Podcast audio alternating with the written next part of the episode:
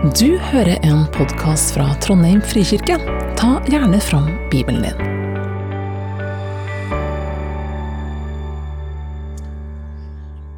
Jeg er generelt eh, litt bakpå når det gjelder sånn tekniske ting, nye dippedutter, sosiale medier og slike ting. Jeg husker jeg var i USA i 2007. Nei, det her er Helge sin tale. Eh, men Jeg har fått lov til å skrive den om. Fordi han eh, er dessverre sjuk i dag.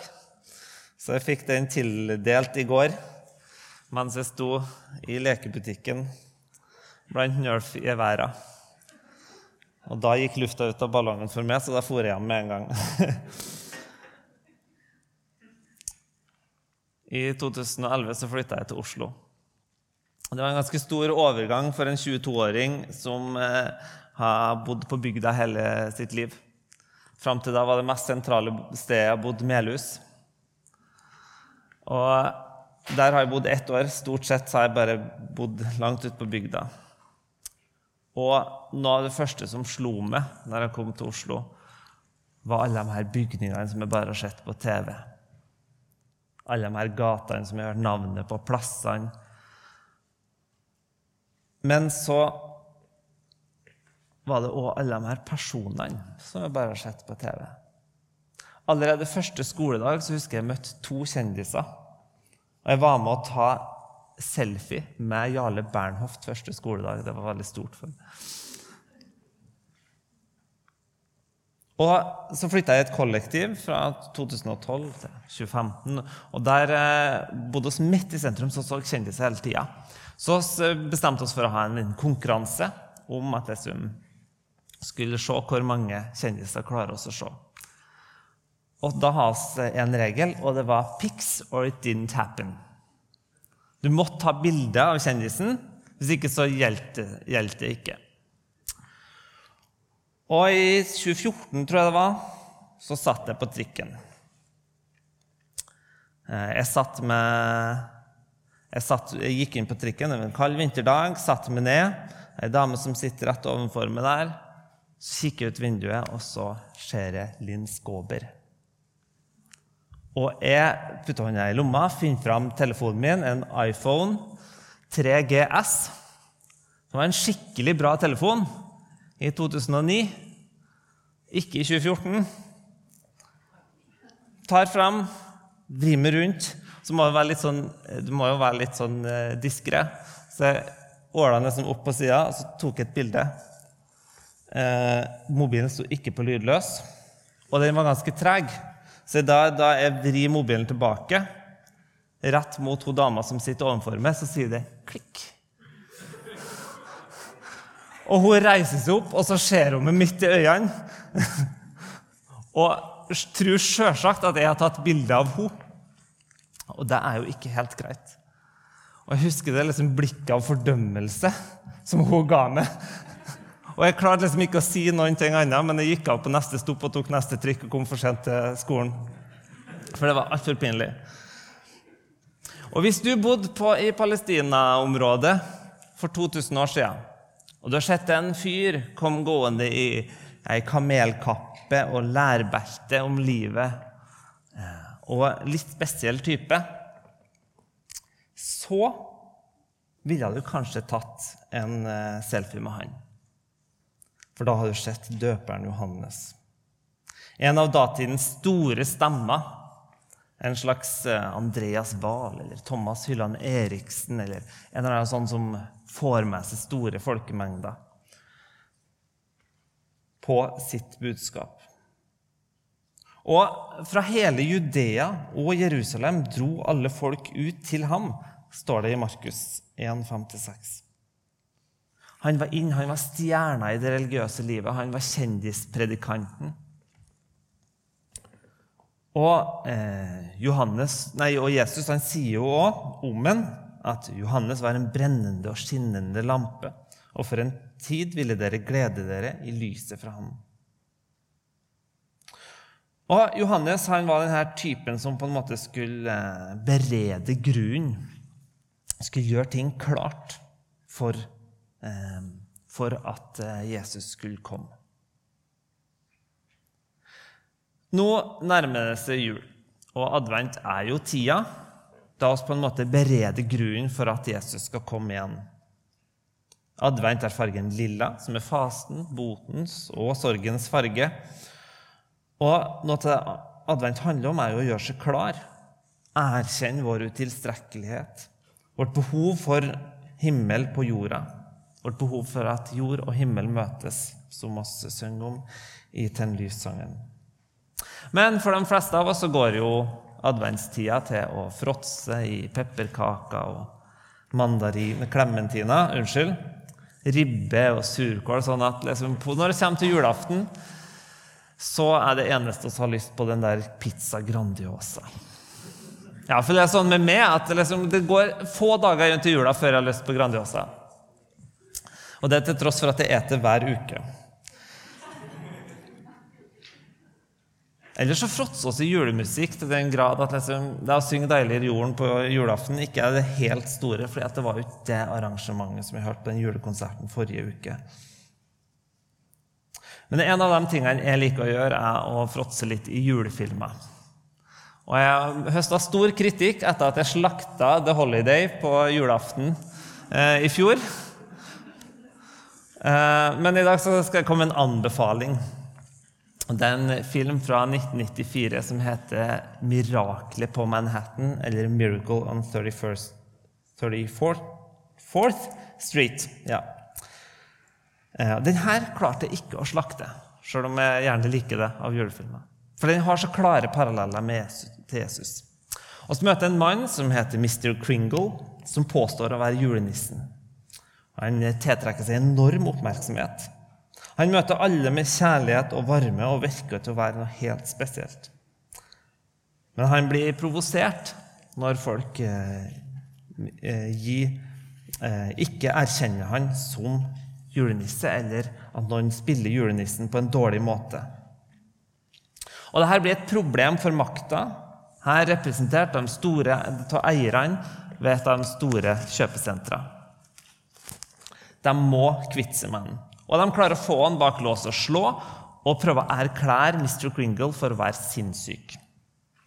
Og så må en advokat og ei lita jente de må stå i en rettssal og kjempe for denne eh, mannen som heter Mr. Kringle, Kringle og bevise at han er julenissen før julaften kommer. Og I denne fortellinga om Jesus er altså også satt inn i en slags sånn rettssal. Den som sitter på tiltalebenken, er Jesus. Denne fyren som dukker opp ut av intet i år 30, og som tegner tilegner seg store folkemengder. Og Til nå i Johannes-evangeliet, altså i kapittel 5, så har det vært mest prat. Han har bokstavelig talt sprita opp en bryllupsfest til nye høyder. Han har helbreda et par stykk, og sistnevnte helbreda han på sabbaten. Og da blir det trøbbel. Da kommer de religiøse lederne og, og kritiserer ham. Og så blir han kalt inn på teppet. Og her har han da en tale der han starter med å si Dersom jeg vitner om meg selv, er mitt vitneutsagn ikke gyldig. Han sitter på tiltalebenken, men skjønner at han kan ikke bare liksom, si sjøl at ja, men 'jeg er jo den jeg sier jeg er'. Han må ha inn en vitne. Det første vitnet han får inn, han blir liksom i kunsten og eh, og i, i, film, i filmatiseringa portrettert sånn her. Døperen Johannes. Tilsynelatende klin gæren. Han bodde langt ut fra folk. Han, eh, tilheng, han, var kanskje tilhører i en slags sånn bevegelse som heter esseerne, som var kronisk opptatt av rituell renhet. Han døpt, og han var en skikkelig svovelspredikant. Ja, han eh, starta det som, det som står om hans budskap i Lukas, det var at han starta talen sin med å si 'ormeyngel'. Hvem har lært dere hvordan dere skal slippe unna den vreden som skal komme?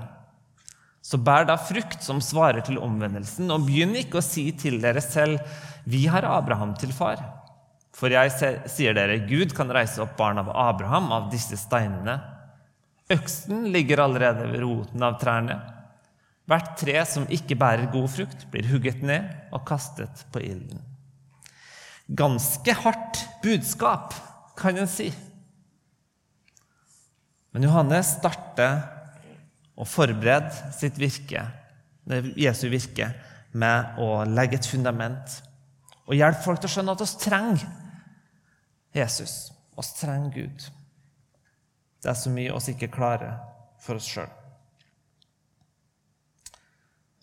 Johannes er vitne én i denne rettssalen som handler om sannhet.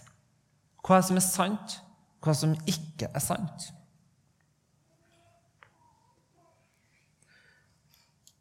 Og så er det nok mange som lurer på hvem var han her fyren, Johannes? Det at han gikk i kamelhår, kappe og eh, lærbelte, hva, hva, er det et tegn på?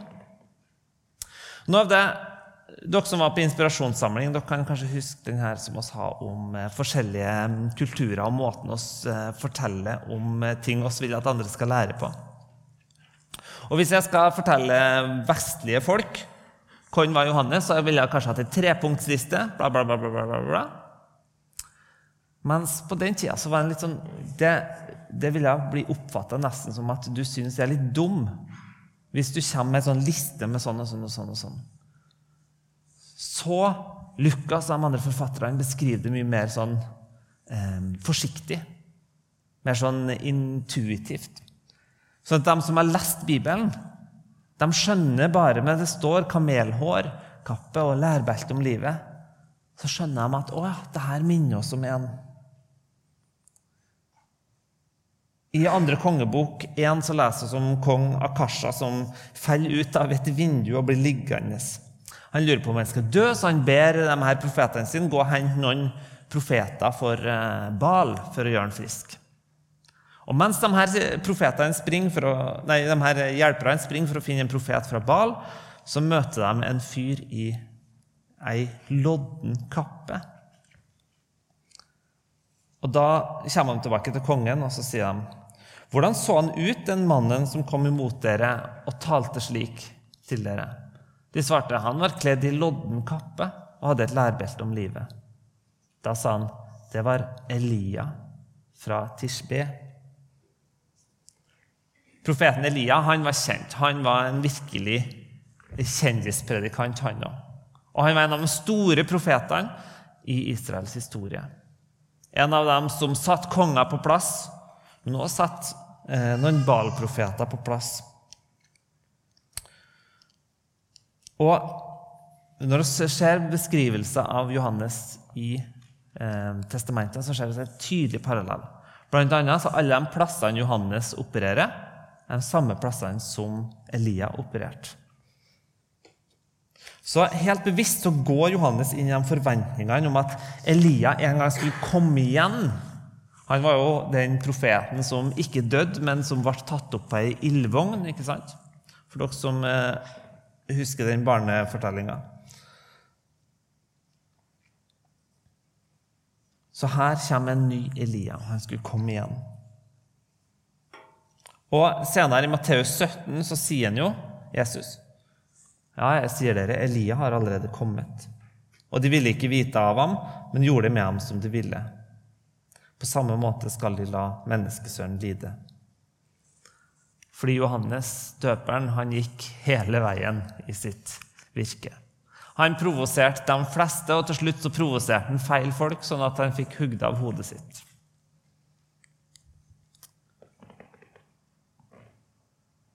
Men hele hans virke så pekte han mot Jesus. Han var et vitne som skulle peke på Jesus. Men Jesus han snakker òg om vitne nummer to. Eller vitne og vitne, mer bevisene. Men jeg har et sterkere vitneutsagn enn det Johannes ga. De gjerningene far har gitt meg å fullføre. Og det er disse gjerningene jeg gjør, som vitner om at far har sendt meg.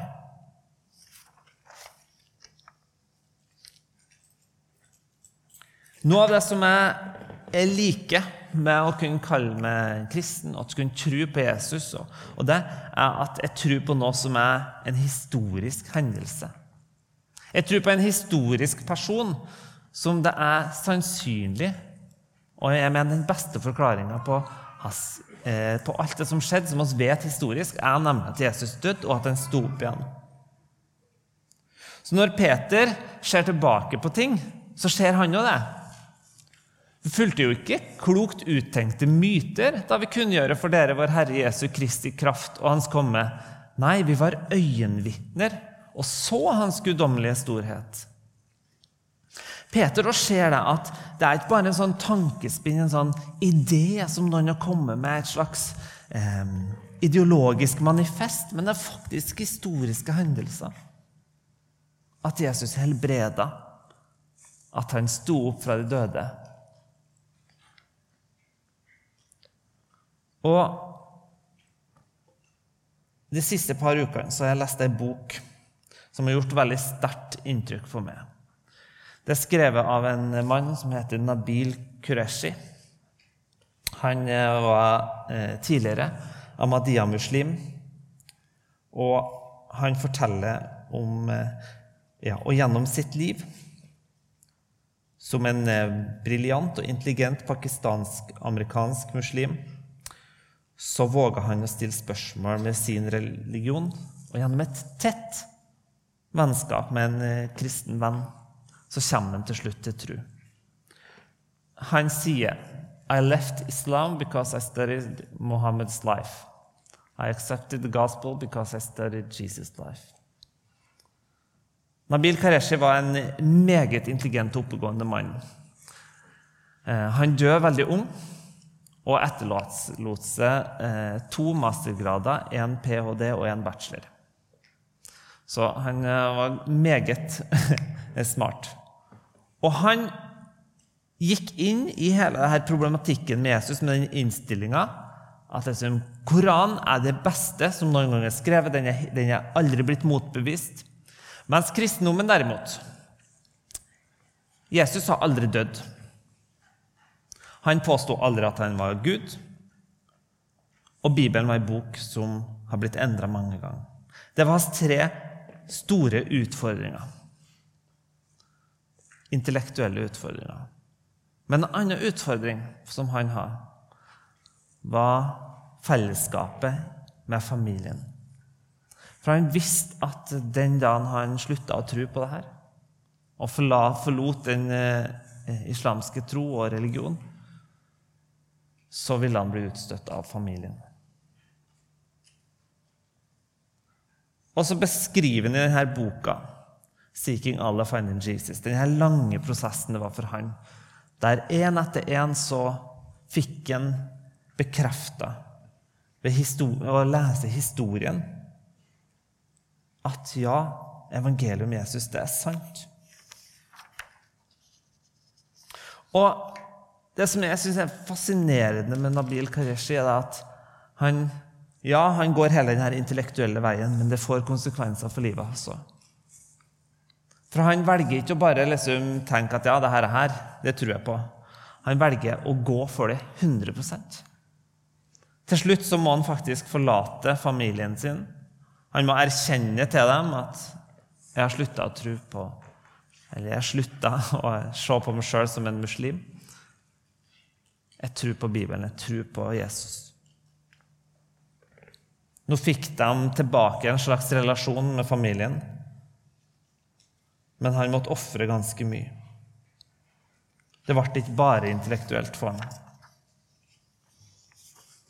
Han levde et radikalt liv. Men så er det siste vitnet som Jesus kaller inn. Det er Gud sjøl. Ja, Far som har sendt meg, har selv vitnet om meg. Hans røst har dere aldri hørt, hans skikkelse har dere aldri sett, og hans ord lar dere ikke bli værende i dere. For dere tror ikke på den han har sendt. Dere gransker Skriftene, for dere mener dere har evig liv i dem. Men det er de som vitner om meg. Likevel vil dere ikke komme til meg, så dere kan ha evig liv.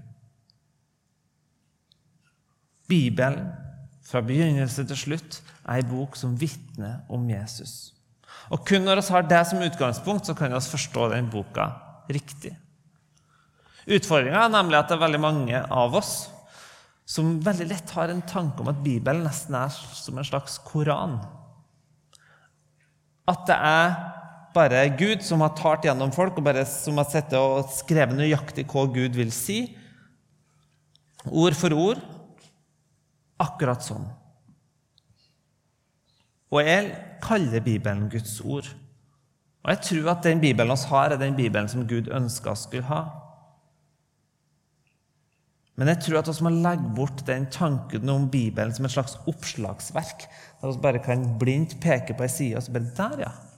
Der har jeg svaret på det spørsmålet. Det ville ha vært å undervurdere den intellektuelle kapasiteten til mennesker for 2000 år siden. Faktisk så tyder en del på at eh, IQ-en i Vesten er fallende. Så dere behøver ikke å tro at dere er så mye smartere enn de var. Og det ville til og med oppleve som nedverdigende om de skrev en sånn tipunktsliste. Sånn og sånn og sånn og sånn. og sånn, Punktum. Fordi spesielt Gamle testamentet, som er skrevet i en hebraisk kontekst, der er sannheten noe du finner gjennom å lese. Ikke noe som bare står lista opp med to streker under svaret. For sannheten har òg en prosess.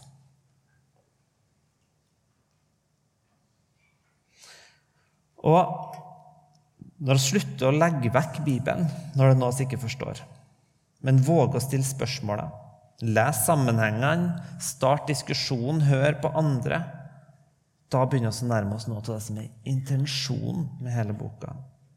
Nettopp det at det vekker litt motstand i det, det er det forfatteren vil at det skal. Jeg tenkte på at du skal stoppe opp.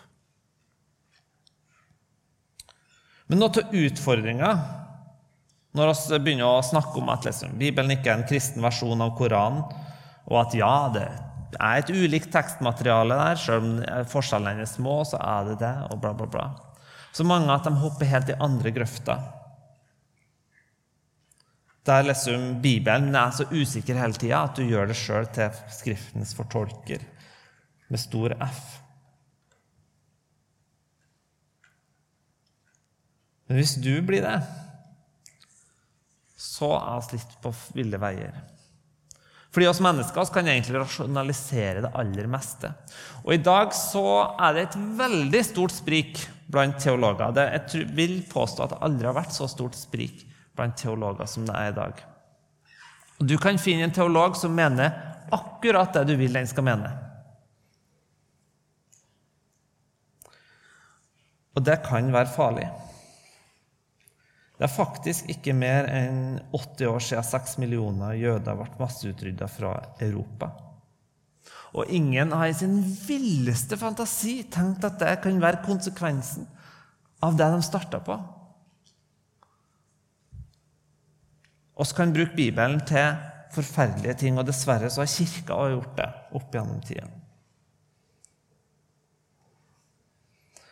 Men Jesus peker på en bedre vei å forholde oss til Skriften.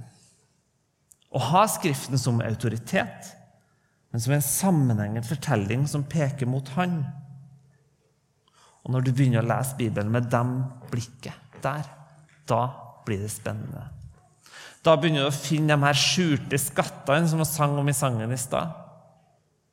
Da begynner du å se at det er ting her som Jesus oppfyller, som de umulig kunne ha sett for seg en gang når de skrev teksten 1000 år før.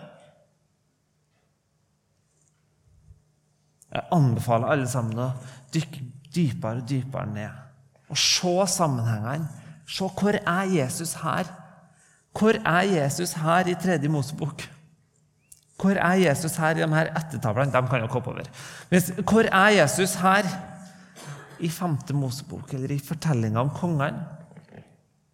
Det er da det blir spennende. Og jeg syns Bibelen bare blir mer og mer spennende, og enda mer spennende etter slutt på teologistudiet. Um, jeg kan si litt da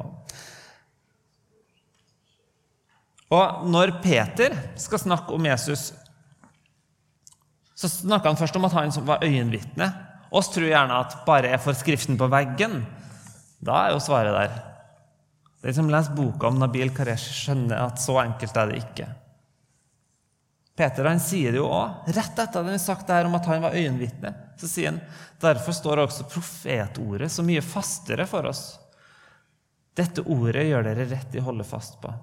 Det er en lampe som lyser opp et mørkt sted til dagen gryr, og morgenstjernen stiger opp i deres hjerter.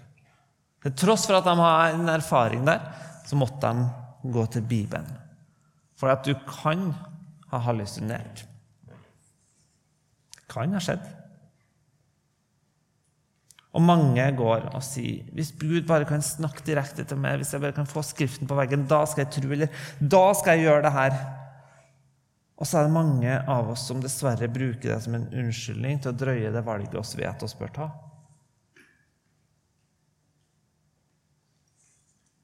For Bibelen kan være ganske tydelig òg. Den som har lest fortsettelsen vet hvordan rettssaken mot Jesus gikk. At han døde til slutt, og at han sto opp igjen.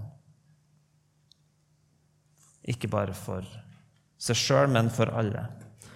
Men så står oss på en måte også i dag i en slags sånn rettssal. Og Det er veldig mange av oss som tenker når vi går ut i hverdagen vår, at jeg skal være forsvareren av Jesus.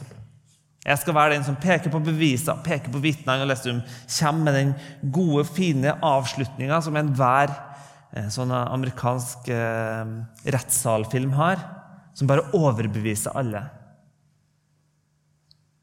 Men ordet advokat brukes aldri om mennesker i Bibelen. Det brukes kun om én person, og det er Den hellige ånd. Den hellige ånd som skal peke. Se det vitnet her. Se den saken her. Se de historiske bevisene. Se virkningene som skjer i verden. Men så kaller han inn noen vitner. Og et vitne som blir kalt inn i en rettssal, sier aldri sånn Ja, han er skyldig fordi at eh, jeg så de bevisene her, og bla, bla, bla. bla eller, ja. Men et vitne får lov til å forklare sin lille del det han eller hun har sett. Det han eller hun har opplevd. Sånn som i historien med han julenissen, så kom det barn fram og fortalte om hvordan det var å møte julenissen. Enkelt og greit. Og på samme måte er vår, vårt, vår oppgave å være sånne vitner som skal få lov til å svare for det oss har, ikke hele greia. Den hellige ånd sin oppgave, det. Så håper jeg oss kan få lov til å være med på det og være vitne i hverdagen vår. Gjennom måten vi lever på, gjennom prioriteringer. Og så kan Den hellige ånd få lov til å skape tro. God far, takk for at vi kan tro på noe som bare ikke er klokt uttenkte myter, men historiske realiteter. Hjelp oss å være sannhetssøkende i livet og søke det som er sant og godt og rett, og når det koster. Så be om at oss har frimodighet til å være vitner. Og du bruker oss ved Din Hellige Ånd og setter oss i situasjoner der oss kan få dele det oss har. Så be for alle som kjenner på tvil og mangel på tro må du sende vitner deres vei òg. Takk for at vi kan få stille spørsmål, og at vi kan gå lange omveier til det. Amen. Takk for at du hørte på. Velkommen til gudstjeneste søndager klokka 11. Mer informasjon finner du på trondheim.frikirke.no.